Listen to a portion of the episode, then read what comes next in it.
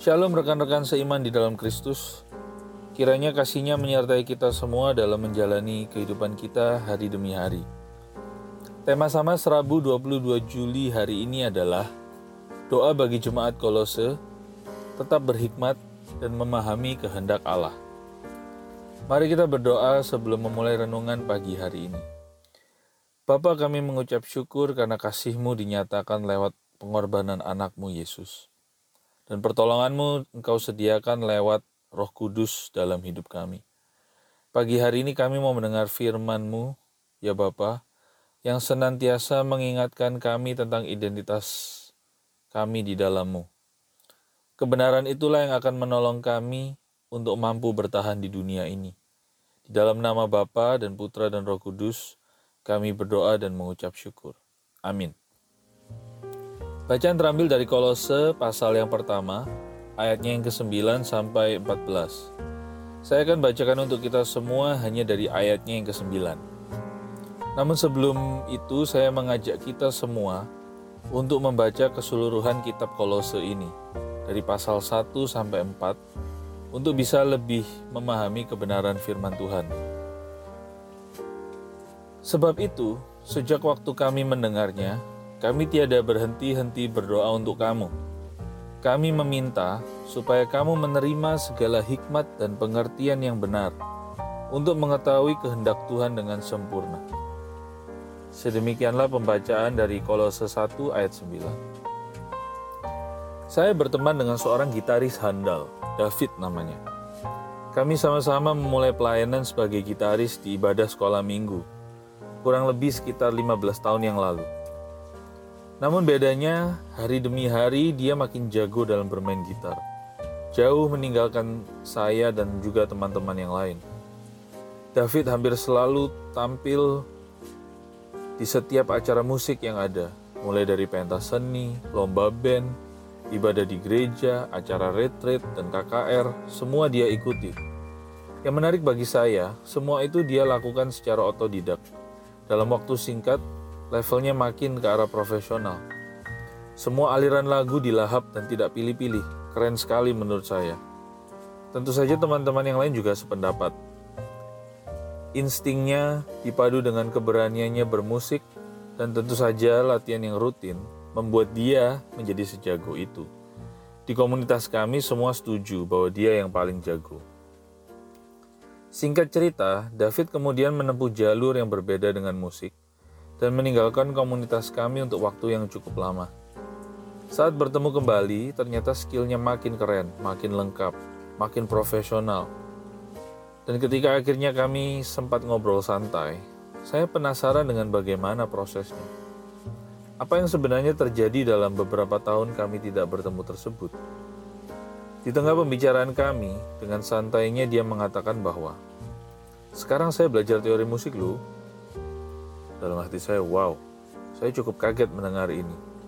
Karena sepengetahuan saya, gaya bermusiknya adalah spontan dan sulit diatur, bahkan oleh pelatih sekalipun. Lalu dia menunjukkan kepada saya aplikasi latihan gitar di HP-nya sambil berkata, Begini loh caranya, kalau mau lebih jago, ya harus begini. Belajar teori musik lagi dan back to basic. Bahkan pemusik terkenal pun pasti tiba di suatu titik di mana dia akan mengasah basic musiknya dengan benar, katanya. Dari pengalaman teman saya ini, saya bisa menangkap maksudnya. Bahwa dia sedang tidak menyombongkan diri ataupun dia sok rendah hati. Tapi dia jujur bahwa sejago apa pun kita dalam melakukan sesuatu, yang dibutuhkan adalah dasar yang benar. Tentu saja dasar yang benar tidak serta-merta membuat kita jadi yang terbaik dalam bidang itu. Banyak faktor lain juga yang menentukan tingkat kesuksesan. Tetapi dasar yang benar membuat fondasi kita makin kuat dalam meraih prestasi itu. Dasar yang benar. Ya, itulah yang menjadi isi doa Paulus kepada jemaat di Kolose. Yaitu agar mereka memiliki hikmat dan pengertian yang benar sebagai pengikut Kristus. Lalu, kenapa hal ini penting dan menjadi kunci dalam pesan Paulus kepada mereka? Hal ini terjadi karena walaupun jemaat di Kolose adalah jemaat yang setia dalam iman kepada Kristus, sesuai laporan Epaphras kepada Paulus, ternyata fondasi mereka masih digoyahkan oleh beberapa hal yang terjadi di sana. Perlu diketahui bahwa hikmat-hikmat dunia masih menjadi halangan utama jemaat di Kolose untuk bertumbuh.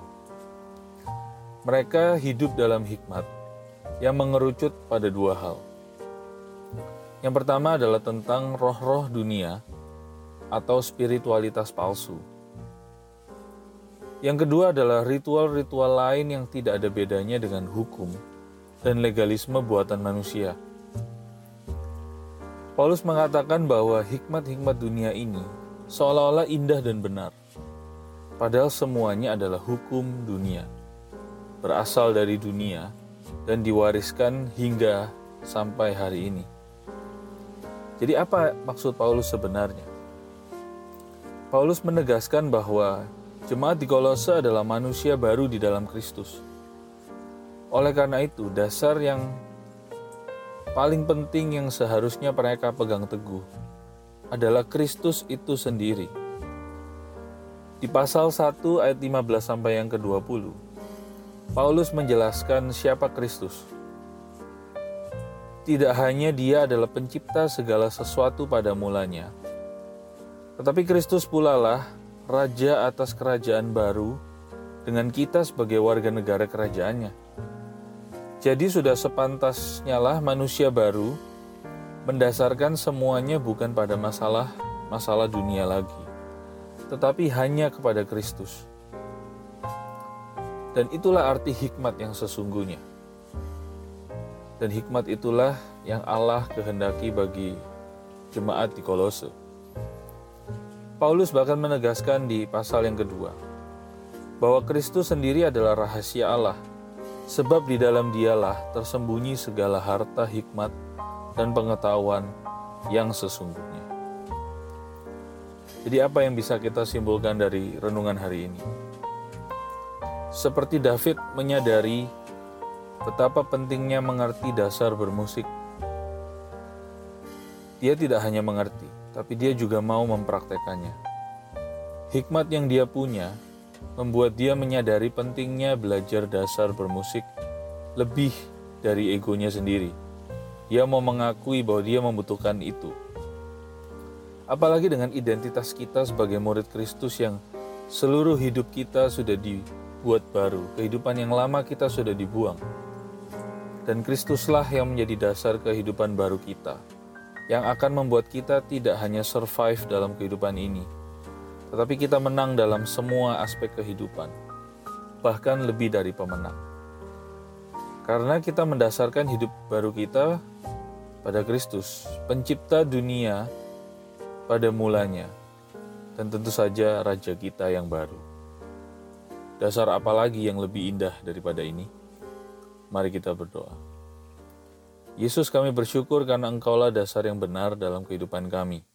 Buat kami berakar, bertumbuh, dan berbuah di dalammu.